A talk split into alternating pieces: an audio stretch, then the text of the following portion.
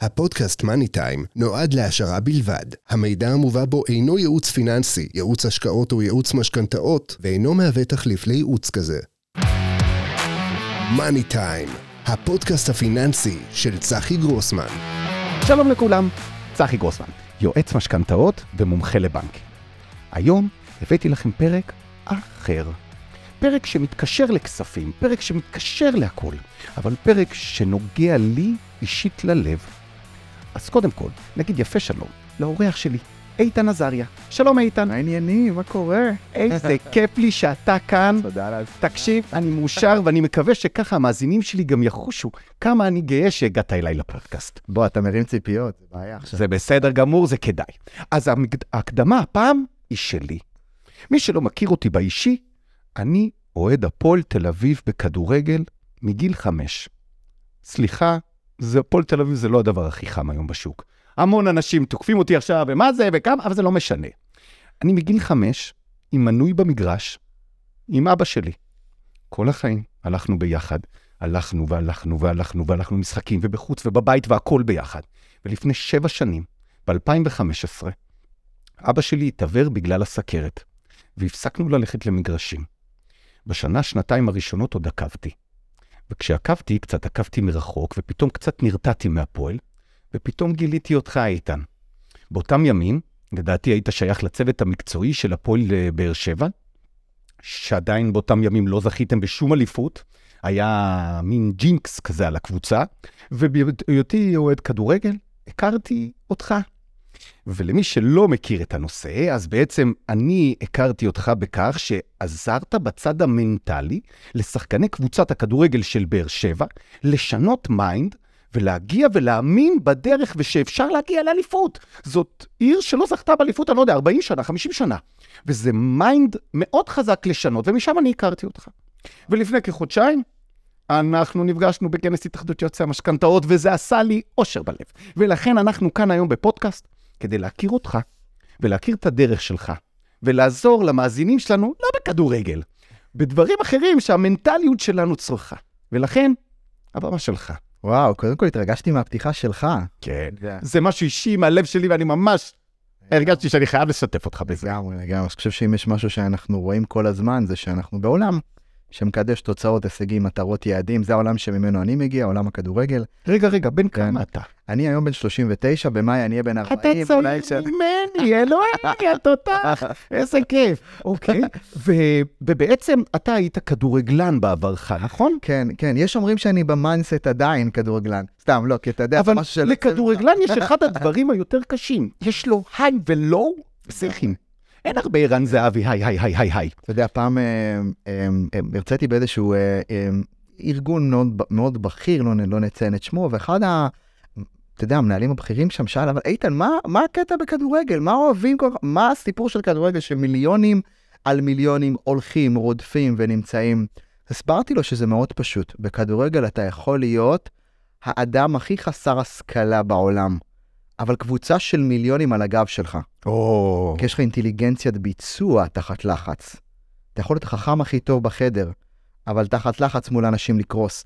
אתה יכול להיות עם התארים הכי טובים, אבל זה לא משנה כמה ידע יש לך אם אתה לא יודע לתרגם את הידע. אבל רק שנייה, אבל עצם זה שהגעתי לתארים האלה, לא עברתי לחץ, לא עברתי קשיים. לגמרי, אז יש לעשות אולי איזשהו הבדל מאוד מאוד משמעותי בין ידע או בין לימוד לבין uh, ביצוע, לבין פרקטיקה, שזה נראה לי אחד הדברים שטיפה מפספסים בטח בעולם הזה. אז אם אני עוד פעם חוזר, בטח לשאלתך, כן. אז גדלתי, כדורגלן, צעיר, רוצה להגשים חלומות, ילד ממעלות עם vision, אבא שלי מאמן כדורגל uh, ככה באזורים הקרובים. מקצועי סקציה, או- מעלות, אתה יודע, ליגה א', ליגה ב', ואתה יודע, אני גודל למגרשים, ו- ו- ולא, אתה יודע, אני תמיד אומר, הי- הייעוד שלנו בוחר בנו ולא אנחנו בו, אם אנחנו מספיק חכמים לזהות את זה, ואתה קולט שזה משהו שאתה מת להיות אותו ורוצה להיות אותו, אבל כמו שאתה יודע, ואתה קצת יודע, כן, אם הסתובבת במגרשים והיית בעולם הכדורגל, הוא עולם שהוא נראה זוהר ויפה מבחוץ, אבל וואו, כמה הוא כן, קשוח. אבל הוא כפוי טובה, הוא יכול להיות הכי, אתה יודע, אתה נמדד בצורה הכי לא סלחנית רק על תוצאות, תוצאות, תוצאות. את אף אחד לא מעניין כמה השקעת, כמה אכפת לך, כמה אתה רוצה. היית בכנס באילת, אז אני תמיד מספר שבעולם הספורט לא כתוב בעיתון, הקבוצה נורא השתדלה. כן, כאילו כתוב, לא. או הפסדת. איזה אחד או אפס. ובביזנס גם, זה לא עם המניה, אף אחד לא שואל אותך אם החברה נורא השתדלה להביא כסף. את איש המכירות לא שואלים, תגיד, איך היה, השקעת? בוא, בוא, בוא נמחא לך כפיים על ההשקעה. לא, מפטרים אותך אם אתה לא מביא במכירות, אתה וואו. נשאר ומקבל בונוסים כן. ובעולם שמקדש, או בעולם שמנוהל ומוערך על ידי התוצאות, שאגב, אין לי בעיה עם זה, אנחנו רוצים להביא תוצאות, אבל כשהתוצאות מגדירות את השווי שלך כאדם, פה מתחילה הנוסחה להסתבך, ואז אנחנו פתאום שוכחים שאנחנו בני אדם. ואני ככדורגלן צעיר, חונכתי, לא ידעתי לדבר את זה עד היום, לא הייתי איתן האדם, הייתי מכונה, שצריכה לספק הישגים ותוצאות. רגע, אבל מכונה של מי? מכונה- מכונה מעצמך, או מכונה מאבא או אימא שלחצו עליו, או החברה מסביבך? אני זכיתי ל- ל- להורים שתמכו בי במה שאני רוצה. וזה, איך לומר, אני באחוזון העליון שלא נדחף ל- לשחק כדורגל, ולא נדחף להיות uh, עורך דין, ולא נדחף, אני קיבלתי קרקע בטוחה, תהיה מה שאתה רוצה. אבל כשאתה בוחר להיות מה שאתה רוצה, במקרה שלי להיכנס ברמה הכי מקצועית שאני יכול להיות כדורגלן, כן. אז אתה בלי לשים לב, ברור לך מאוד מה אתה שווה. איך ברור לך? אחרי ניצחונות, אתה מקבל ככה פידבק טוב מהמאמן, חיוכים קצת, ליטופים. כשקצת לא הולך, או עשית איזה פשלה של גול, המאמן יעבור לידך ולא יראה אותך. אתה לומד מהר מאוד מה אתה שווה. איך המשוואה ברורה? מנצח מלך, מפסיד אפס. ניצחת, אתה מלך העולם, יכול ליהנות, לחגוג, מחבקים אותך, אוהבים אותך. עכשיו, אתה לא יודע לתרגם את זה כילד צעיר, אבל אתה פתאום שם לב שהשווי שלך כאדם נמדד רק על סמך התוצאה האחרונה. אגב, מה קורה לנו היום בעולם? ככה מחנכים קבוצות של ילדים? אני, ש... אני יכול לשתף רק מהחוויה שלי. משלך, אני יכול אישי. לספר לך על, אמ, על גישות ועל תרבויות שבכלל אין משחק על תוצאה עד גיל 16. יש מועדונים, אקדמיות בהולנד שאני יודע, שאין, just play, enjoy the game. פה, לפחות בסיפור שאני גדלתי עליו, עכשיו, אני לא אומר אם זה טוב או רע, זה נתן לי מלא ערכים מדהימים, של מה? של מחויבות, של השקעה, של, אתה יודע מה, של אפילו חתירה להיות רק מספר אחד, שזה אדיר. שזה מדהים. וזה מדהים, רק איפה המחיר בלחתור להיות מספר אחד? אם אתה ש- מספר 2, אתה בא לך למות. שפחות מספר. אחד שווה כישלון. ואז אתה פתאום נהיה איזושהי, אני לא רוצה להגיד אפילו, אתה, אתה לא אדם, אתה סוג של תג מחיר, ואולי ניתן את המונח המקצועי, אתה נהיה אדם בעל ערך עצמי תלותי. מה זה ערך עצמי תלותי? השווי שלי כאדם נתון תלוי לתוצאה האחרונה. בתוצאות שלך. ההגדרת האדם שלך, הקיום שלך נתון אך ורק לתוצאה האחרונה. עכשיו תחשוב איזה חיים יש לאדם, לילד, לספורטאי, ליזם, ליועץ משכנתאות, שהיום-יום שלו, שהשווי שלו, שהשלום שלו בבית למשפחה בערב, תלוי בתוצאות היומיומיות שלו בעסק. וואו. זה אדם, זה רעידת אדמה. זה... זה, אדם שאין עמוד שדרה, יותר מזה גם, הבית מתחיל לקבל מה? חינוך שוק תוצאתי ולא ערכי. שגם הבית ישר מרגיש, לא הבאת תוצאה, אנחנו נכעס עליך, או נגיב אליך אחרת. או שאבא נכנס הביתה, והילדים מסתכלים על הפרצוף של אבא, אבא לא צריך לדבר. הם יודעים אם לשתוק, לעשות דממה, חדר מתים. למה? כי קולטים את הפרצוף של אבא, רואים היה לו יום גרוע, רק בוא לא נעיר את ה... עכשיו את הטד, ששש, בוא נהיה בשקט. ואם אבא נכנס מבסוט, כי עשה כמה עסקאות, אז קולטים שאבא מבסוט, אפשר לבקש ממנו דברים, לתת איזה... זאת אומרת. הסביבה ממש מרגישה איך האדם עצמו מרגיש על היום שלו. הילדים של אותם אנשים נבנים, והתרבות שלהם, והשווי שלהם, ואיך שהם יהיו בכיתה, ואז פתאום הם לא ירימו יד בכיתה. למה? כי הם למדו מאבא שאתה יודע, אם אתה עושה דברים, אתה עלול להיכשל, ואתה זורק מילים בבית בלי לשים, אז פתאום זה לא מי שאתה, זה המשפחה שלך, זה האישה שלך, זה הבעל שלך, זה כל הסביבה. אתה פתאום לא שם לב שמערכת היחסים שאתה בונה עם תוצאות, הופכת להיות, כאילו, כל העולם שאתה אבל מרגיש לך. ככה חינכו אותנו, לא רק אותך לא רק ככה. בכדורגל. זהו, זה בדיוק הסיפור, שאני נותן כמו פריזמה קטנה על עולם שלם של כולנו. אבל בסופו של דבר יכול להיות, יש משפחות שהילד שהביא ציון לא טוב, אז כעסו עליו. יש ילד שלא מצליח בחוג, אז כועסים עליו. ויש ילד שמוצא את עצמו מסתובב עם חברה מסוימת וההורים לא אוהבים את החברה וגם עזוב פוגעים. כועסים, בוא נגיד שלא כועסים, בוא נגיד שאנחנו ברמה גבוהה. אבא חוזר הביתה, והוא בלי לשים לב, אנחנו, אתה יודע, אם אמרנו, הערך העצמי שלי תלותי, כן. אני שווה כגודל התוצאות שלי, אני מרשה לעצמי להרגיש ראוי ושווה כאדם עם חשבון הבנק שלי בפלוס, אני אפס וחסר ערך אם הוא במינוס, וואו. וככה החיים שלי מתנהלים. אני בא הביתה, הבן שלי חוזר ממבחן, ממשחק, מה השאלה הראשונה שאני אשאל אותו? כמה כמה? מי ניצח? אתה לא, ברמה לא מודעת, אתה מונחה תוצאות, אבל אתה לא מונחה תוצאות, אתה עבד לתוצאות. עבד לתוצאות. כי וזאת ה... בשביל להגיע לתוצאה הזאת, אז אתה בלחץ, וכל היום אתה עובד רק בשביל התוצאה? אתה יודע למה אתה עבד לתוצאות? לא. כי בניצחונות אף אחד לא יכול לומר שנגמר הסיפור. אם הבאת חודש מדהים בעסק, זה לא שאתה יכול לנוח. אם עד היום התפיסה הרווחת, בטח במאה ה-21 של עבודה, ובוא נביא כסף והביתה וזה, אם עד היום התפיסה הייתה של בוא נסתדר ואז נוכל להיות עם המשפחה ועם הבית, אנחנו רוצים אולי לח- לחשב מסלול מחדש. חדש ולהכניס... והלייפסטייל של הבית הוא קודם כל, ואז על הלייפסטייל של הבית תבנה את החיים. ותגלה שגם בפחות זמן, אם אתה מדויק ויש לך ערכים נכונים, ואתה יודע להביא את המסר המדויק שלך, ולא משנה איזה יועץ אתה, לא משנה מה אבל לא התפקיד כל שלך. בן אדם מסוגל להיות העצמאי, הדרך ולנהל את הזמנים שלו. יש אנשים שמאוד אוהבים לקום בבוקר לעבודה ולחזור אחר צהריים, והם לא יכולים להיות גמישים עם הילדים שלהם. הם הכי רוצים בעולם, אבל עם משרה מלאה וצריך לפרנס את הבית.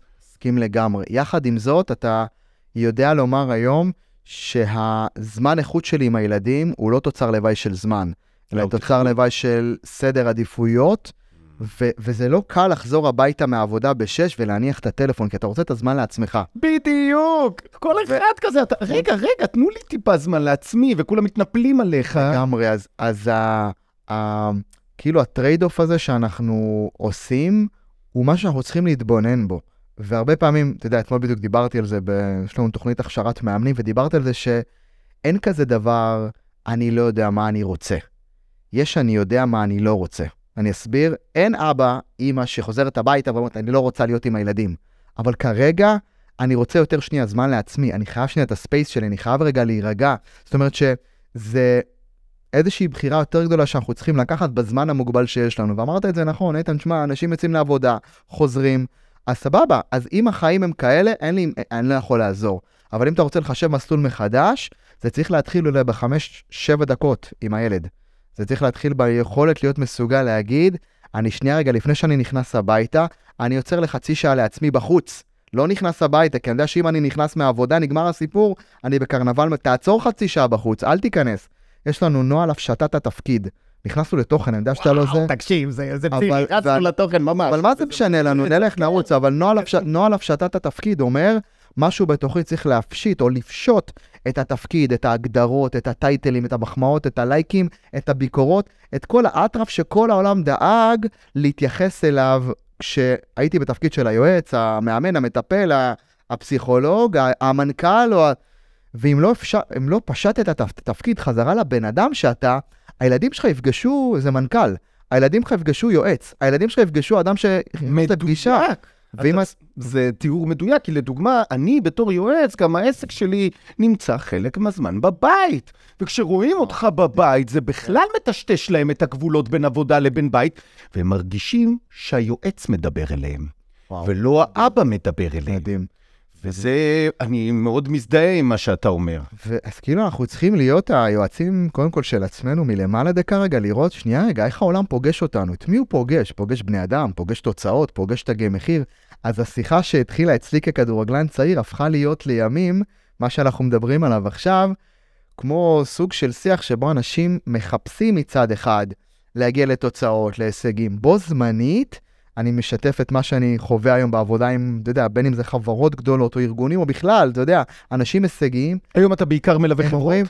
או אני- אנשים. היום אני בעיקר, זאת אומרת, התחומי הפעילות מתחלקים, זה יכול להיות מחברות גדולות כמו שטראוס, זי, נארה, זי, אה, זייקי, אמרתי נייקי. ואתה יודע, אנשים שנמדדים כל הזמן מצד אחד כמנהל בכיר, תחשוב, אתה צריך להוביל צוות תחתיך, מצד שני יש לך אה, סוג של אה, אחריות או ציפיות מהבעלים למעלה, לה- זאת אומרת, אתה איפשהו באמצע. אז התפקיד שהוא דורש המון המון תפקוד בתנאי לחץ, אלה אנשים שאני זוכה לעבוד איתם. כן, אז במקביל יש, אתה יודע, קהל מכל העולם שמקבל תהליכים באונליין והכשרת מאמנים. איזה אז- מדהים. אז כאילו, אני, מה שאני בא לומר זה שקשת התעשייה שאני עובד איתה, הם יכולים להיות מי, אתה יודע, ספורטאים צעירים, תלמידים, מורים, הורים, יועצים, עד ל... איזה יופי. אתה הרמת, והנה התוכן מתחיל. כאשר אנחנו נמצאים כל אחד בסיטואציה שונה בחיים, כל אחד צריך לחזק את המנטליות שלו. אני רוצה להתחיל מספורטאים. מהמם. מה זה לחזק את המנטלי של ספורטאי? באת להפועל באר שבע, קבוצה שלא זכתה 40 שנה באליפות. קבוצה טובה שם, מאמן לוקח אותה, דוחף, מאמן, מלמד, מכתיב, מסביר, מראה סרטונים, עושים כושר. איפה נכנס המנטליות פה בכלל? אז אולי שווה קודם כל לומר שאתה יודע, ציינת את זה, ו... וזאת הייתה עבודה של צוות שלם. אני יודע שדיברת, ואנחנו... אבל חשוב לשים את זה על, ה... על השולחן. אה, אתה יודע, יש תמיד איזושהי נטייה, בא המאמן המנטלי, בא הפסיכולוג, בא איזה מנטור ועושה קסמים, זה לא עובד ככה. הוא חייב לעבוד עם צוות. זה עם צוות, אני עם ברק בכר, שהוא המאמן שם, הייתי איתו בהפועל באר שבע, הייתי איתו גם בקריית קריית שמונה. עשינו גביע, וכמובן. אחר כך במכבי חיפה באליפות הראשונה, וזה חייב להיות איזושהי, אה, כמו איזשהו מסר חוצה, שכמו שיש, אה, ניקח את עולם הספורט, כמו שיש מאמן כושר, יש מאמן פיזיולוגיה, יש תזונאי, יש יוגה, יש מאמן שוערים, יש, יש מאמן מנטלי. זאת אומרת, כשאני הגעתי עם ברק להפועל באר שבע, זה היה, חבר'ה, זה לא הפסיכולוג ההוא שיושב שם, גם כולם הכירו אותי כשחקן עבר, אז היה לי יותר קל להתחבר אליהם. יחד עם זאת, זה בדיוק כמו שאתה צריך כדי למכור תסריט מכירה, נכון. אתה צריך את המוצר שלך, אתה צריך לדעת מול מי אתה נפגש, אתה צריך לדעת כמובן, בין אם זה את הנכס, בין אם זה את, ה, את התשתית, הריבויות, את השוק, מה קורה, אתה צריך לדעת את המוצר. אבל אני לא יודע את המנטליות שלי. אבל אתה לא את המנטליות, אז בוא נבין מה זה המנטליות. מנטליות בהגדרה, אם ניקח עכשיו את הפסיכולוגיה או את הספרות המקצועית, אימון מנטלי זה אימון על הפסיכולוגיה של הביצוע.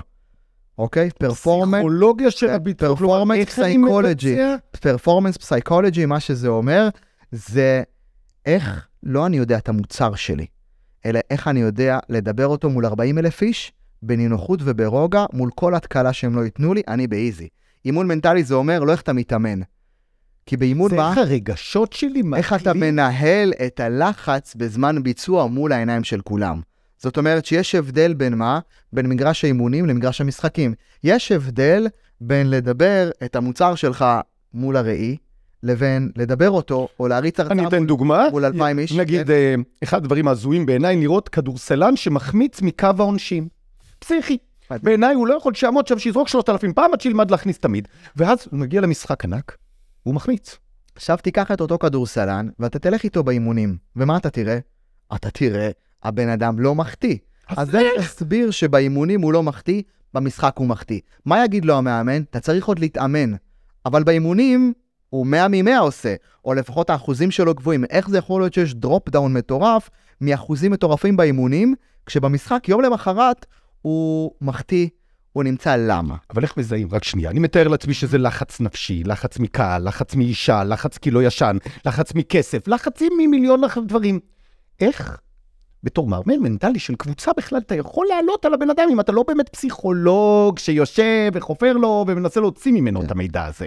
אז כשאנחנו מסתכלים על מה עושה את ההבדל, בסופו של דבר, אתה מבין שאם יש לך פער בביצוע, שאתה יודע שבתכלס לא אמור להיות לך, נכון? הכדורסל כן, עכשיו לא אנחנו. רואים אותו באימונים. אז אתה יודע. בוודאות שזה לא משהו מקצועי, אלא משהו מנטלי. ילד שבא למבחן ואומר, אני יודע את החומר, למה אני מקבל blackout בזמן אמת? כי אתה יודע את החומר. אתה לא יודע איך לתפקד בלחץ של מבחן כש-40 תלמידים סביבך מתחילים למלא ואתה נתקלת מול שאלה לא מוכרת. או שאלה שאתה מכיר ופתאום המוח שלך, זאת אומרת, אז איך מחזקים את הדבר? לכן תנאי הלחץ, אם רגע אנחנו שמים רגע כותרת, להיות אדם חזק מנטלית זה אדם שיודע לתפקד בתנאי לחץ, באותה נינוחות שהוא יודע לתפקד בחדר ההלבשה, באימונים, מול ה... אה, אתה יודע, נגיד מול העסקה שאני מכיר אותה בלי לחץ. זאת אומרת, להיות אדם חזק מנטלית, זה אותו אדם שיודע, למרות הלחצים והאתגרים, להיות ברמות ביצוע גבוהות ומתמשכות לעבר היעדים. עכשיו אוקיי? תראה, נדירים הם האנשים שבאמת מצליחים במצב מנטלי, לא משנה מה, כמה לחצים, הם מתפקדים אותו דבר. ויש כוכבים מאוד גדולים, אבל אני לא רוצה על הכוכבים. נכון. יש את הילד שלי, אותי, את הדודה, את השכן. אנחנו לא אלופי העולם, ואנחנו עדיין נופלים בקטנות מול הבוס, מול הילד, מול. באוטו, אני לא יודע מה, ו... וקמים בבוקר וכועסים על עצמם, ולא מרוצים מהתוצאה שלנו. אז כן. איך, איך מחזקים את האדם? אמרת קבוצה, בסדר, גם לא הצלחתי להבין איך השחקן עצמו מתחזק, אבל איך הילד שלי, איך אני יכול לחזק אותו במנטלי? אתה יודע מה מדהים ששאלת וענית? מה שאלת? איך מחזקים את האדם? אתה יודע מה הבעיה? לא. שמחזקים את התוצאות ולא את האדם. ככה השיטה היום. שיטה מערבית, מקדשת תוצאות, מקדשת מטרות, מקדשת יעדים, נותנת לך לייקים שאתה מעלה תמונה טובה, לייקים שמעלה. מרסקת אותך כשיש רפורמה ואסור לך לדבר. חד וחלק. ואני- לא, לא בעד זה ולא בעד זה, משנה. זה לא משנה אם לא אני בעדו או. נגדו. הרעיון פה שברגע שהשיח הפנימי שלנו, בינינו ולעצמנו, הופך להיות שיח כל כך של אין מקום לפחות ממושלם, כבר הפסדת את המשחק. זאת אומרת, אנחנו לא מרשים לעצמנו, אחד, להיות אנושיים, שתיים, אנחנו לא מרשים לעצמנו באמת למדוד ביצועים, מודדים רק תוצאות. זאת אומרת, אני בא ואומר משהו הפוך, וישמעו אותנו עכשיו ויגידו, שנייה איתן, אבל על מה אתה מדבר? אני מודדים אותי על תוצאות, מה אתה מדבר איתי? על דרך, על ביצועים, על מאמץ, על השקעה. אבל אני רוצה לשאול אותך שאלה. בהנחה, והייתי משחרר אותך כרגע, ממה התוצאה אומרת עליך. אוקיי, תן לי, בוא ניקח איזה נושא, נתמקד בו, משהו שבאמת חשוב לקהל ששומע אותנו. בוא, כן. תן, בוא, קח אותי רגע. אז, אז בוא ל- נלך על תוצאה, בדרך כלל אני מלווה לקוחות לתהליכי משכנתה. ובתהליכי משכנתה יש תהליכים רגילים, שהם עסקאות פשוטות, ששם התוצאה בדרך כלל מכוונת לאיזושהי ריבית מסוימת, לאיזשהו יעד מסוים שהלקוח חלם עליו, והוא רוצה ומצפה שאני אעשה. ומצד שני, יש סוג לקוחות שבמצב מאוד מאוד בעייתי, זרקו אותם מהכל, והם רק מתחננים שאני אצליח להביא להם את הכסף. ודקה אחרי שהבאתי את הכסף. אה, אז מה זה המחיר הזה? אז בוא תקן את המחיר. כלומר, משתנים. עדיין בודקים אותך לפי התוצאה, אבל הצלחתי, הבאתי לך את הנייר, אתה לא קיבלת, סיבת הסירות מכל הבנקים, הבאתי לך. אה, אבל תראה את הריבית. גדול. בעצם אנחנו, או האנשים משדרים אחד לשני, חוסר שביעות רצון כל הזמן. תקשיב, אחד הדברים שאתה רואה אותו כל הזמן בתחילת הדרך, ואם אנחנו מדברים על, אה, על אה, אתה יודע, על עולם של הישגים ותוצאות ומטרות, ובכל רגע שאני מעלה את הנקודה ונעלה אותה עכשיו, שהיא אולי העיקרון, העיקרון העל שמלווה את כל הכלים או התהליכים שאני באמת שמח ל- ל- ללוות עם אנשים, זה איזושהי תודעה שמסתכמת בהתפתחות תודעתית שלנו כבני אדם בדרך להיות ווינרים. זאת אומרת, כדי להיות ווינר יש אבולוציה. מה האבולוציה באה ואומרת? כל אחד צריך להיות ווינר? כל אחד רוצה להגדיר מה זה להיות ווינר עבורו. להיות ווינר עבורי זה להיות, אני עכשיו אה, אקח אותי, זה להיות מסוגל להיות בהשפעה וצמיחה עסקית בלי שזה פוגע במשפחה וזמן איכות שלי עם הילדים. זאת הצלחה שלי. זאת הצעה, לא מדדת את זה בכסף, לא כמה, לא מדדת יש לי את זה. ההצלחה הכלכלית בכסף, כשאם אני אגדיל את ההצלחה הכלכלית שלי בכסף וזה יפגע לי בזמן האיכות עם הילדים, זה זאת לא לא. הצלחה. זאת אומרת, הגדרת הצלחה שלי היא הצלחה הוליסטית, שבאה ואומרת, אם המשכתי, עשיתי יותר במות, עליתי יותר, הרציתי יותר בארץ, בעולם, אה. עליתי, ואין לי זמן איכות עם המשפחה שלי, ואני בשבת לא בבית, לא הצלחה. בשבילי. יבוא מישהו אחר ויגיד לי, איתן, עזוב אותי, אני, תן לי לעוף, תן לי לעשות חשבון בנק מפוצץ, תן לי זה, אני אסתדר אחר כך עם הקטע של משפחה, ואני זוגיות לא צריך עכשיו, מכיר את ה... אני, עזוב אותי עכשיו, אני כשיהיה לי יותר כסף לזוגיות, אתה מגלה שיש לו יותר כסף, הוא ממשיך לעשות הוא יותר ממשיך. כסף, לא כי הוא. מפחד, הוא לא שהוא לא רוצה, הוא מפחד לפתח את החלק היותר זוגי, פתוח, את החשיפה שהוא יותר יכול לתת. זאת אומרת, אנשים צריכים לבחור מה זה ווינריות עבורם. כלומר, הגדרה של מוטיבציה היא הגדרה לווינר? הגדרה של... של... אה, הגדרת? הגדרת ווינר היא הגדרה פרטית שכל אחד רוצה להעניק לעצמו, שהיא באה ואומרת, בשיא הפוטנציאל שלי כאדם, ובוא נקרא לשיא הפוטנציאל הזה, האני העתידי שלי. והאני העתידי שלי הוא דמות שהיא קצת רחוקה ממני, היא עוד שנה, שנתיים, היא יכולה להיות עם דירה, שתיים, עשר דירות, משק... לא משנה איפה, כן. והיא יכולה להיות עם, אה, עם, אה, אתה יודע, מדירה, יאכטות, משפחה. אבל דווקא אני רוצה על הפשוט, על הילד אני- שלי. אבל אני רוצה על הפשוט. אני- איך אני הופך את הילד שלי שיהיה מרוצה בווינר, למרות שהוא פספס את הסל בקבוצה. והפסיד. אז סטפ 1, ואם נראה רגע מי הם שלושת השחקנים שאנחנו מזהים לאורך הדרך, השחקן הראשון שאנחנו רואים הרבה ילדים כאלה, וניקח את, ה... כן, את הבן שלי. ניקח את הבן שלך, ניקח את התדר אולי הכי נמוך, וזה נקרא תדר השורד. תדר השורד זה אותם שחקני חיים שמשחקים את המשחק כדי לא להפסיד. אתה כאבא רוצה לזהות, הבן שלך משחק? כן. יש לו, מה, איזה... הוא משחק כדורסל, כדורסל. כיתה. ו', קצ"ל בנס ציונה. כשהוא חוזר הביתה, או כשאתה הולך נגיד לראות אותו משחק, כן. אתה תוכל לזהות את תדר השורד שבו אם הייתה לו אפשרות לקחת זריקה לסל והוא לא לקח, בטח. אוקיי? ושם תדר השורד חי בתוכנו. הוא חי בתוכנו כאנשי עסקים, כעצמאים, שאנחנו רוצים לכתוב איזה פוסט ולא משחררים אותו. למה? לא מושלם, יגידו אני לי, די העירו עוד. אנשים עם פוסטים בנוטס כבר שנתיים לא מפרסמים אותם. למה? כי אני יודע שזה נכון לומר את זה, אבל רגע, מה אחרים יגידו, ואיך זה יתפרס? זאת אומרת, תדר השורד משחק את משחק החיים כדי לא להפסיד. אז התדר השורד עבור הילד שלי הוא שלא יחמיץ בטעות ושכל כן. הקבוצה תכעס עליו? זאת אומרת, הצלחה עבורו בדיוק, זה לא לקלוע סל, זה חלילה לא להחטיא. וואו. זה אותו ילד בכיתה שיודע את התשובה לשאלה ולא מרים את היד. הוא יגיד, רגע, אני אענה את התשובה הלא נכונה, יצחקו עליי. בהפסקות וזה. זאת אומרת, אה, אני אעלה איזה מוצר, אני אעלה איזשהו פוסט לא במקום, אני אגיד לך... המון אנשי עסקים מפחדים לעלות פה. אוקיי. בטח, אוקיי. אתה צודק. ואז בעצם מה שמנהל את החיים שלי זה חוויה כל כך טובה שלא לטעות, לא להפסיד. אגב, מי שלא טועה, מבטיח לך, או מי שמשחק כדי לא להפסיד, לא טועה ולא מדברים עליו, הוא לא בפה של אחרים. אבל זה החיים שאנחנו רוצים. אבל רגע, הכל. לפני החיים, הרי על מה אנחנו מדברים? על המנטליות שלו. אז אני רוצה שהילד שלי יהיה חזק מנטלית, יופי. גם כשחברה שלו זורקת אותו, גם כשהקבוצה שלו הפסידה, גם כשהמאמן שלו זרק אותו הביתה, וגם אם הוא נכשל לי במבחן. אז אני בונה איתך את זה. תדר השורד הוא תדר שאתה צריך להכיר. זה ה-level הראשון. צריכים להכיר שזה קיים. השחקן... אני צריך להכיר על הבן שלי, אנחנו רגע, כרגע אתה- עושים הדמיה על הבן שלי. עושים הבן שלך. קודם כל, הדרך היחידה להכיר אותה על הבן שלך, להכיר אותה בעצמך. על החוויות חיים שלך כאבא, שאתה משחק כדי לא להפסיד. שאתה... בק- וואו, ו- ו- וזה... אתה אוקיי. יודע, התבוננות בינינו ובין עצמנו. ואיפה אני עדיין אה, רואה את עצמי אה, פורץ, גדל, אבל אני עדיין משחק על בטוח. איפה מגרשי החיים שאני עדיין משחק כדי לא לטעות. אומר את הדברים הנכונים, לא את מה שאני רוצה. משחק אולי כרגע בקטן. אולי אני יכול להגדיל את, אה, סתם אני זורק, כן, אני יכול לתת אה, נפח הלקוחות ההשפעה, אני עדיין משחק על בטוח. עדיין מפרסם במחירים נמוכים, למרות שאני אומר, בואנה, אני, אני יודע מה אני שווה, למה אני לא שם חבילות? במקום הזה אתה רוצה לשאול את עצמך, רגע, איפה אני נמצא שם? עכשיו, אין פה טוב או רע, זה צעד התפתחותי. אם היינו, אתה יודע, אם אנחנו מרשים לעצמנו לשאול את עצמנו איפה אני עדיין משחק כדי לא להפסיד, מעולה.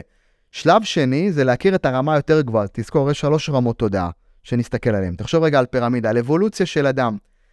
השחקן שהוא בתחתית, קראנו לו, תדר השורד, משחק כדי לא להפסיד. רמה אחת, כדי לא לפשל. לא לפשל, לא לטעות. מבחינתו, הצלחה היא לא לטעות. זאת אומרת, כדי לא לפשל, עדיף לא להעיז. זאת המנטליות שהוא מתהלך איתה בראש. ולמנטליות הזאת יש מה? השלכה וביטוי מאוד מאוד ברור של ביצוע בזמן אמת. מה הביצוע?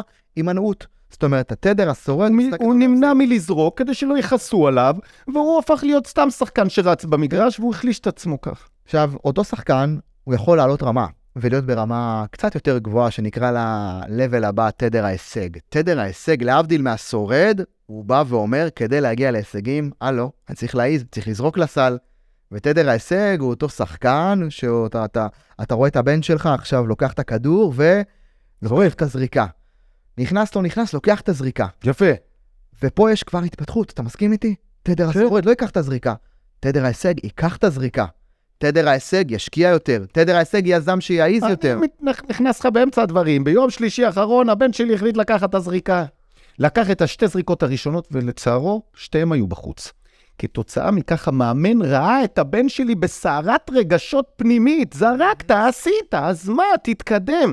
קרא לו אליו, ניהל איתו שיח קל, ואחרי שתי דקות הילד הכניס סל והיה רגוע יותר, וכל המשחק המשיך נעים. זאת אומרת שהבן שלך, אגב, מדהים מה שעשה המאמן, הוא, ייקח אותנו ל-level הבא. הרגע הזה שהבן שלך לוקח שתי זריקות, שזה על פניו, איך לומר את זה, אין ווינריות יותר גדולה מלקחת שתי זריקות בהתחלה בכלל, לקחת זריקה. לקחת זריקה זה לקחת... מי ש... אחריות עליי. אם, אם, אם נבין בעולם העסקים מה זה לקחת זריקה, זה כמו לקחת את ה... להתפטר משכיר ולהיות עצמאי. או לקחת את, ה, אה, את, ה, את הדבר הזה שאתה הכי מאמין בו ולשים אותו מול הפרצוף של כולם באיזשהו סרטון כנה ופתוח. להגיד את מה שאתה מאמין בו. להגיד את מה שאתה לא מאמין בו, למרות שלא כולם יאהבו את זה. לקחת זריקה זה חתיכת מהלך. זה, זה, זה למה אני תמיד אומר שאם יש משהו טוב לגדל בו ילדים ולהכניס אותם לעולם, זה רק לעולם הספורט. ישר, לא צריך אחר כך פסיכולוגים, אולי צריך, אבל בקטע יותר טוב.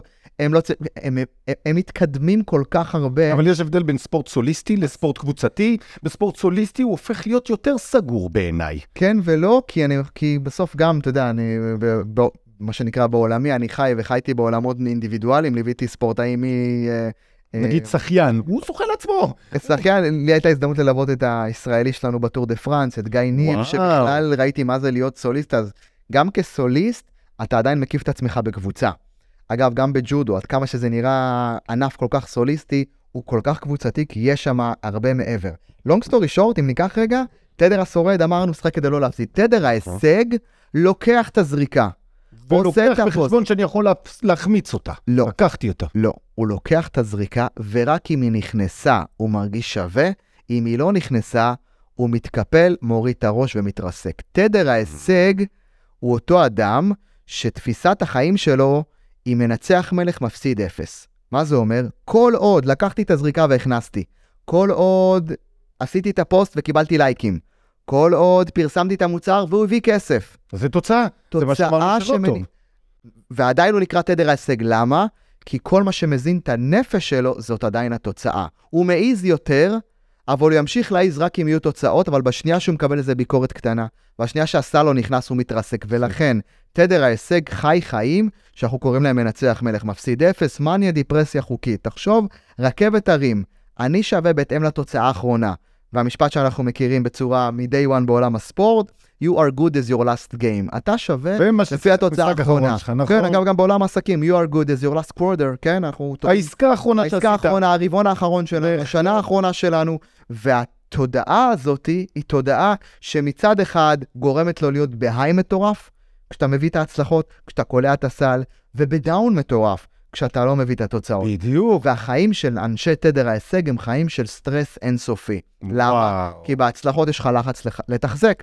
אתה מביא הישגים, מטרות, יעדים, תוצאות, אליפויות, מוחאים לך כפיים, אבל אתה צריך מה? שנה הבאה שוב פעם. מה זה שנה הבאה? היום הבא, חודש הבא, עסקה הבאה, אתה כל הזמן בסטרס. זאת אומרת שאת אנשי תדר ההישג, יש להם מצד אחד יתרון קל, להבדיל מאנשי הס- מהשורדים, שהם מבינים שכדי להצליח צריך להעיז, אבל אבל אם הם מחמיצים, הם. הסיפור. זאת אומרת שההתאוששות שלהם מאותו שבר, מאותו החטאה, מאותו רגע, מה שהמאמן עשה לבן שלך זה מקסים, כי הוא הצליח לנתק אותו מתפיסת תדר ההישג. התדר ההישג זו אותה תפיסת חיים תלותית שבאה ואומרת, הנפש שלי מתמלאת אך ורק כשתוצאה חיצונית מתקיימת. זה אותם אנשים שאתה באיזשהו מקום, חלק מקנאים בהם. אומרים, בואנה, תראה איזה יופי הולך להם. ואותם אנשים שנמצאים באותה חוויה, של חרא לי, לא טוב לי, רע לי. הם אומרים, בואנה, אם הייתם יודעים מה עובר עלינו, הייתם מחליפים אותו. עכשיו, אנשי תדר ההישג יודעים לתקתק תוצאות, אבל החיים שלהם הם חיים של 24 שעות של זה גם. זמרים כאלה? בדיוק באתי בדיוק לתת... יוצא לו דיסק בדיוק- טוב או שיר טוב, אז הוא בדיוק. עף. אז בדיוק יש את הדוגמה, שיש את המושג סינדרום האלבום השני. זמרים, יוצרים, יכול להיות, אתה יודע, שמוציאים איזה סינגל או אלבום טוב, האלבום מתפוצץ, והם נעלמים. למה הם. נעלמים?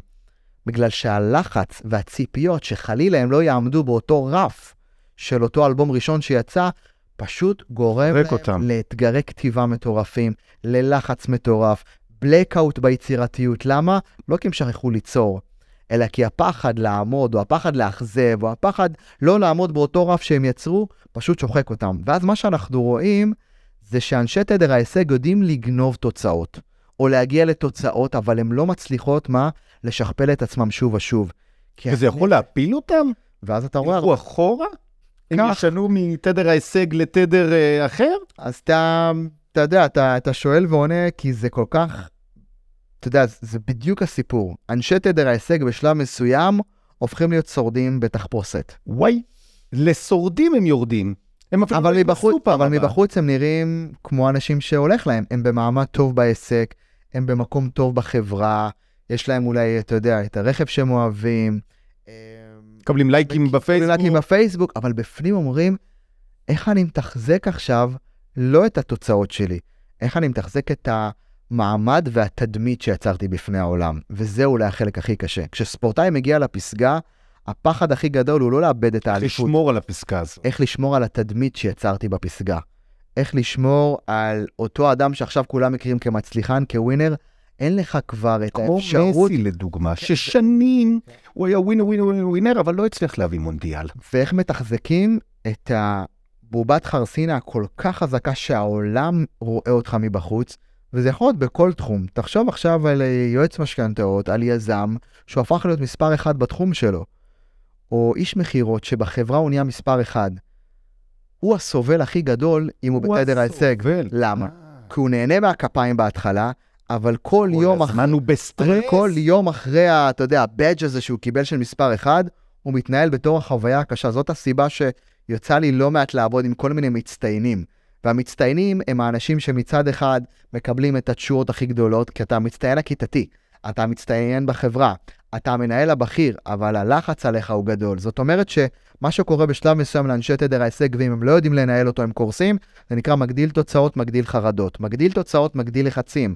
מגדיל תוצאות, מגדיל ציפיות. ככל שאתה עולה ברף ההצלחות שלך, הציפיות שתמשיך להביא אותן הן אותו דבר. עולות אפילו. ואתה כבר לא יודע מה לעשות לא, עכשיו. לדעתי הן אפילו יותר חמורות, הן עולות. או שהגאווה משתלטת בפסגה ואתה צריך לתחזק עכשיו את עצמך, או שאתה יודע, האתגר, ההתרסקות, הקורבנות בתחתית גומרת אותך, ולכן אנשי תדר ההישג, או שהם נשרפים בדרך, או שהם יורדים למטה, או שאתה קולט אותם פתאום אומרים, סוף, תתן, אני תן לי להיות שכיר, מה אני צריך את השטויות האלה? מה אני צריך את כל הדבר הזה? הם נשברים מזה. עכשיו, אצל אנשי תדר ההישג, פתאום אתה רואה, זה לא שהם אומרים, טוב, בוא נאזן את החיים.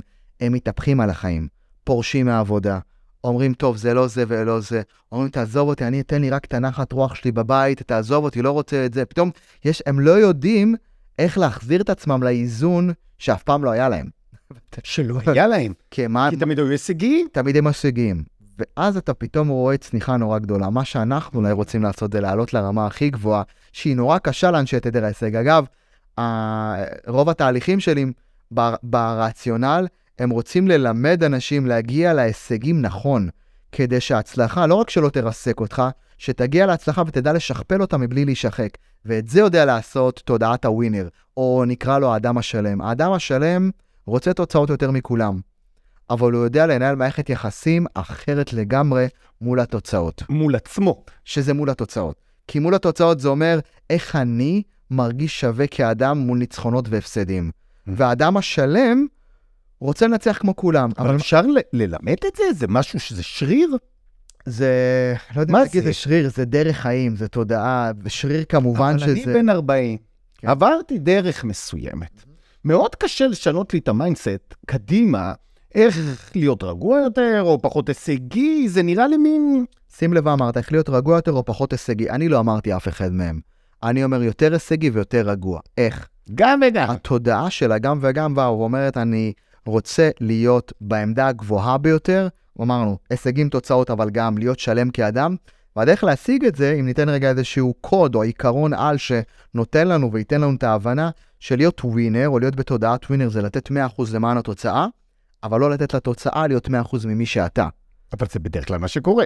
אבל ולכן- איך אני אשכנע את עצמי, איך אני אלמד אותי, איך... קודם כל תבין, כן, שמשהו בך רוצה לייצר מרווח ביטחון בין האדם שאתה לתפקיד שאתה. אתה לא התוצאות שלך. אם בנית חיים שלמים שבהם אתה התוצאות שלך, החברה מודדת שאני זה היא התוצאה תמשיך שלי. לעשות את זה, והיא תמשיך להיות שם, והיא תמשיך למדוד אותך ולהוקיר אותך ולהעריך אותך וכאילו, ולהסתכל בחצי עין כשאתה לא מביא את התוצאות. השאלה מה איתך? זה החיים שלך? זה מה שאתה רוצה? ובוא בוא, בוא, בוא נשאל את אבל עצמנו. מאוד קשה, תעצור עכשיו, 200 איש ברחוב, אף אחד לא יודע מה הוא רוצה מעצמו. סתם, אני מגזים אף אחד, אבל הם לא באמת יודעים מה הם רוצים. יש כאלה יודעים, יש לו עסק חדש שהוא רוצה לפתוח, יש לו יעד, הוא רוצה עוד עשר שנים לפרוש מעבודה, יש כאלה יעדים קטנים. אני לא פגשתי אף אחד. כן. אני צריך בגיל 80, אני ככה וככה, ועד אז רק מוטיבציה, ו... כן. אז הגיע הזמן לשאול, לא? האם... הגיע הזמן לשאול, לא? באמת, אתה יודע, אני... אני... כל אדם כלפי עצמו, תגיד, אתה יודע לאן, לאן זה הולך? ש, שאתה באמת, כאילו, הגעת ל, באמת לפסגת הפוטנציאל והרצונות שלך, אתה יודע מה אתה רוצה? מי יודע אם הגעתי אוקיי. לפס, לפסקה אבל שלי. כאילו, אני מרגיש שהלכנו לרצונות ואני, ואני, כן. ואני אלך איתך לשם, אבל בוא נבין רגע מה הפסגה אומרת, או פסגת התודעה. אני רוצה תוצאות, אבל לא נותן להם להגדיר אותי כאדם. זה להיות מסוגל לחיות במקום שאני מספיק בוגר לא לתת לגאווה להשתלט עליי בפסגה, בדיוק כמו שאני לא נותן לדאון לקורבנות ולתפיסת אני אפס חסר ערך כשאני לא מביא תוצאות. אני מסוגל להיות באיזשהו איזון, שזה, אתה יודע, דיברת על חוסן מנטלי בהתחלה, וזה היכולת לנהל את עצמי ואת כוחות הנפש שלי בדרך להישגים. ואתה יודע, זה, ישמעו אותנו עכשיו ויגידו, אח שלי, אני, אני מתוכנת כבר להישגים ותוצאות. ולכן הפרק הזה הוא פרק שצריך לשאול את עצמנו שאלות חדשות. כי, אתה יודע, כי אתה יודע, כל מי שנכנס לתוכן שלי, הוא, הוא, הוא, הוא, הוא, בהתחלה אומר, לא, אני, אני נדפקתי פה, מה קרה לו? לאן הוא הלך? אבל לאט לאט כשאתה שומע, אתה מתחיל להגיד, רגע, זה לא שהוא נדפק, זה שאותי חינכו כל כך הרבה שנים להרגיש שכל השווי שלי כאדם נתון לתוצאות. אז אני בא להגיד לכם שמה שאתם שכחתם, הגוף והתודעה שלכם זוכרת. מה הגוף והתודעה שלנו זוכר? שהרבה לפני שהעולם החליט מי אנחנו, אנחנו היינו עשר. אנחנו היינו סבבה עם עצמנו. הערך שלנו... אבל תמיד העולם החליט משהו עלינו. כשהיינו קטנים ספר, בכיתה- היינו מכוערים, היינו כאלה, היינו שמנים, היינו עם משקפיים, צחקו עלינו, וזה הלך כל החיים, תמיד בודקים אותנו. ותגיד, מי, למי סיכויים יותר טובים לקלוע על הסל? זה שחרד לגבי התוצאה, או זה שלא אכפת לו אם זה ייכנס או לא? אה, אגיד לא אכפת לו. זה שחרד לגבי אם זה ייכנס או לא, או זה שסומך על הזריקה, יהיה אשר יהיה. למי יש יותר ברור סיכויים? שאם אתה סומך על הזריקה, אז על מה להתאמן? אם היית יודע שכל התוצאות שלך הן באמת תוצר לוואי של איכות הביצוע שלך, על מה תעבוד? על התוצאות או על הביצוע? על התוצאות. ועל מה, על התוצאות או על הביצוע? אם היית יודע שכל התוצאות שלך הן תוצר לוואי של איכות הביצוע שלך, על מה היית מתאמן? על התוצאות או על על הביצוע? איכות הביצוע. אז מה, ולמה אנשים עובדים? על התוצאות. על התוצאות. וזה בדיוק הסיפור, למה? כי העולם מחנך אותך תוצאות. אז אתה חרד לגביהם, מתעסק איתם, אתה רב איתם על המשפחה. ולפעמים אנשים אומרים, מי שלא מתעסק בתוצאות, אז הוא לא הישגי מספיק. לכן אני אומר, החברה שופטת אותך עוד יותר. לכן שים לב מה האדם השלם בתודעת הווינר אומר, על פי השיטה של הביולוגיה של הווינרים, שאני שמח לשתף אותה ול... התודעה באה ואומרת, זה לא, אתה יודע, אני אומר עכשיו בהודו מדיטציות, תוצאות לא חשובות. אנחנו מייצרים את האמצע הנכון. 100% למען התוצאה, מצד אחד אני רוצה תוצאות. אבל בין אם התוצאה מגיעה או לא, אני לא נותן לשום תוצאה להגדיר את השווי שלי כאדם. אני מספיק חכם להיות על הדרך ולהבין שהתוצאות הכי טובות הם לא, אתה יודע, בעולם הספורט אף אחד לא מבטיח לך אליפות במשחק הראשון. אתה לא יודע אף פעם מתי תבוא האליפות. לכן כל משחק יש עליך מחויבות מה? להיות in, להיות הכי טוב. ומצד שני לא להסתנוור מהכפיים כשאתה מנצח, ולא להיות בחרדה, וכמובן להיכנס לדרמות כשאתה מקבל לכלוכים, כותרות, עגבניות, או לא משנה מה, ואת כולם קיבלתי, כשחקן וכמאמן מנטלי. וואו. אז אתה יודע, אנחנו מכירים את העולם הזה, אבל אם אתה יודע להיות מאוזן, ולא להסתנוור לא מזה, לא דרמות בפס... בפסגות, וכמובן, אז יש משהו בך שיודע להיות יותר מאוזן, והתוצאות נמשכות לאנשים ראויים. נחזור על זה. ההצלחות נמשכות לאנשים ראויים. מה זה ראוי? ראוי זה שללא העסקה, אני ממש בסדר. זאת אומרת, אם אני יועץ משכנתאות, אתה תרגיש עליי אם אני נזקק. אז בוא, בוא ניתן דוגמה אפילו. בוא. בימים אלה, קשה מאוד לקנות דירה. כן. והריביות גבוהות, אבל לקוחות עדיין רוצים, כי המנטליות במדינת ישראל היא שרוצים לקנות רוצים דירה. לקנות. אם האבא מלחיצים, מלחיצים, תקנה דירה, אין לכם כבר דירה? כמה שנים אתם בנשואים? אין לכם דירה? אין לכם דירה? זה כן. בדיוק, ואז הזוג עצמו נלחץ, והוא בדיוק אותו הישגי. אנחנו בלי הדירה, החברים שלנו איים, אז נלך גם לקחת חוב. ומצד שני, יכול לבוא בדיוק הפוך. למה קניתי? קנה כבר. למה קניתי? השוק יורד, חרא, הריביות עלו לי, אני גמור מזה, לא ישן בלילה. לא הצליח להשכיר את הדירה שהוא קנה חודשיים, הוא כבר גמור, הוא רוצה להיפטר. ובעצם זה מראה על בעיה מנטלית ועל אי סגירות בדרך. איך איך אפילו תן לי טיפ של אלופים, איך לשבת עם לקוח ולדעת שהוא סגור במנטליות שלו, וזה לא סתם החברה גרמה לו להבין את זה. אני חושב ששאלת וגם ענית, כי אתה, אתה מזהה מי מגיע אליך, כן? אם הוא מגיע עם האג'נדות של אבא ואימא, אם הוא מגיע עם הלחצים החברתיים והמשפחתיים, כן. ואם אתה באמת תעזור לו לא לקנות דירה, תעזור לו באמת להבין מה הוא באמת רוצה, גם אם הוא לא יקנה דירה בעסקה או בפגישה הראשונה, אתה הראשון שהוא יבוא אליו. זאת אומרת, נכון, אבל, אבל הוא, הוא בא אליי עם מטען מאוד גדול, מטען רגשי שאני לא מכיר אותו, ושיכול להיות שמודדים אותו, אתה בלי הדירה, אתה חלש, אתה כן. כלום. כן. ואז הוא עצוב מזה. ואז כשהוא הולך לקנות דירה, אז אחר כך שוב פעם הוא עצוב, כי הוא קנה והמחירים יורדים. כלומר, מה, תן לי שלוש פעולות בסיסיות שאדם צריך לעשות בשביל לחזק את עצמו. לפני שאני נותן, מה המטרה שלך בפגישה הזאת? שלי עם הלקוח או שלי איתך? שלך עם ה... מה שעכשיו נתת את הדוגמה. את הדוגמה עם הלקוח, כן. המטרה שלי לתת ללקוח, ללקוחות שלי שקט נפשי, שיודעים שאנחנו עושים מהלך חכם. לא משנה אם היה רע, ישים לנו דפאות של רע. אם יהיה נפלא, יש דפאות של... בעצם לשקף לו ולהכין אותו לקראת המהלך. לגמרי, לגמרי. אז אתה רוצה את הכלים אליך או אליו? אליו ואליי במצבים אחרים, או לכל אזרח שעכשיו מקשיב, שהוא רוצה לפתוח עסק חדש, רוצה לעזוב את העבודה שלו, אמא ואבא נופלים עליו, מה אתה עושה בימים כאלה? אוי ואבוי. ומישהו שבא לו להשקיע עכשיו בעסק ולקחת איזה יחצן או משהו ולשים 100 אלף שקל, והביצים שלו רועדות, סליחה על הביטוי. כן. לפני שאתה עונה? כן. אמרתי את זה לחבר שלי. כן. אז הוא אמר לי, צחי, יש משפט, תקום, קמת בבוקר, הכל לטובה, ותגיד תודה, ובלה בלה בלה, ותגיד אה, תודה ליקום. בסדר, אני אוהב שאני חי ותודה ליקום, אבל אני רוצה משהו יותר פרקטי. לגמרי. אז בוא ניקח רגע כ... אתה יודע, כתמונה רחבה שכל מי שמאזין, מאזין באמת יוכל לקבל את, כי זה יכול להיות בין אם זה בעסקה, בין אם זה אמרת כל אדם שפותח עסק או עושה משהו. נכון. אני חושב שאחד הדברים הראשונים שאנחנו רוצים, זה לייצר לנו איזושהי תמונה או שרטוט של קו בין מי שאני היום לאני העתידי שאני רוצה להיות. זאת אומרת, אצל כל אחד מאיתנו יש את האני הנוכחי, כן. ויש את האני העתידי. שהאני העתידי הוא בעצם, נקרא לזה כמו... אבל אגב, לא בטוח שאני אוהב את האני עצמי, האני היום.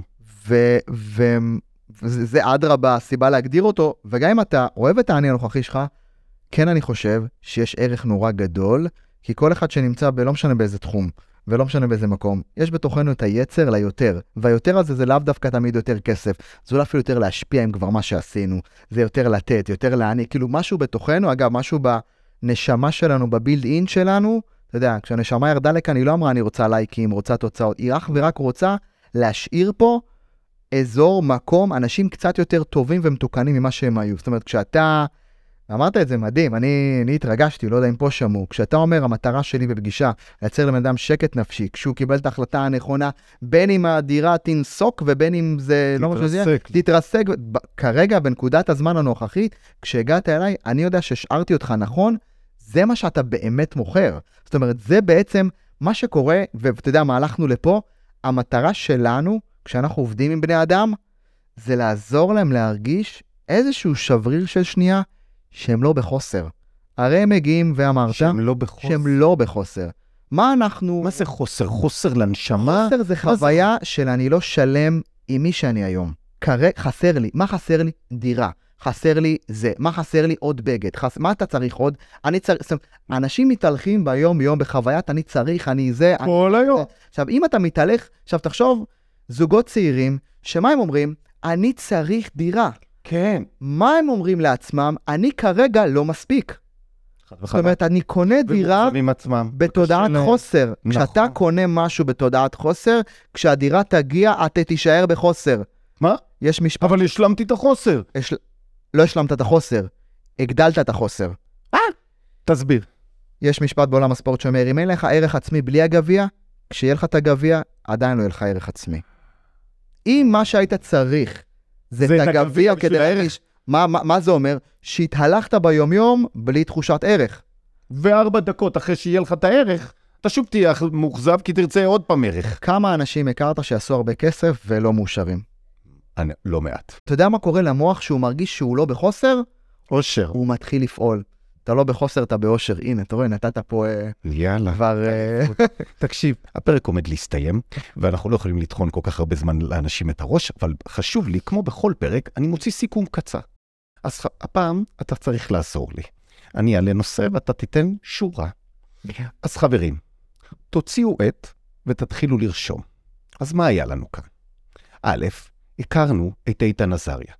הכרנו גם שאני אוהד כדורגל, אוהד של הפועל תל אביב, זה נושא שהסתרתי עד היום, אבל היום הוא יצא החוצה.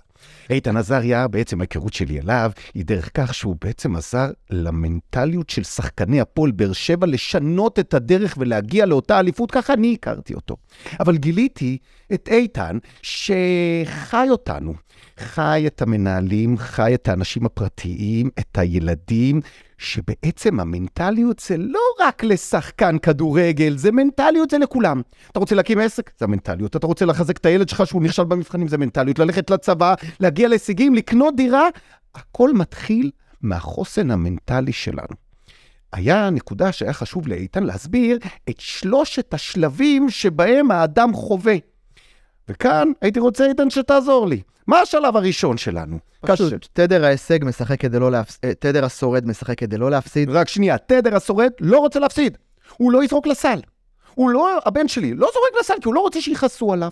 התדר השני, תדר ההישג, תדר רק ההישג. ניצחונות. מנצח מלך מפסיד אפס אין באמצע. אם ניצחתי, אני המלך העולם, זרקתי, עשיתי, אני תותח. ואם החמצתי, אני הולך הביתה, אני שבור, אני גמור מזה. המשמעות היא חוויית סטרס תמידית. אינסופית. והאמצע, והפ- והפסגה, והפסגה, סליחה, הפסגה היא האדם השלם, או תודעת הווינר, שבא ואומר, אני נותן 100% למען התוצאה, אבל לא נותן לתוצאה להיות 100% ממי שאני. זאת מערכת יחסים שבה מצד אחד אני רוצה את התוצאות יותר מכולם. הצלחה, דירות, אה, כסף, השפעה, תהילה, הכל, אבל אני לא נותן לתוצאה ניצחון או הפסד לסנוור אותי כאדם, להגדיר את השווי שלי כאדם, כי הרבה לפני הדירה הייתי אדם שלם. דבר חשוב נוסף לדעת.